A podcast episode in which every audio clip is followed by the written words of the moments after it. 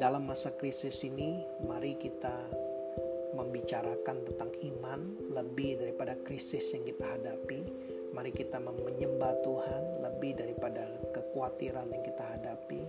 Mari kita meninggikan nama Tuhan sebab nama Tuhan nama di atas segala nama.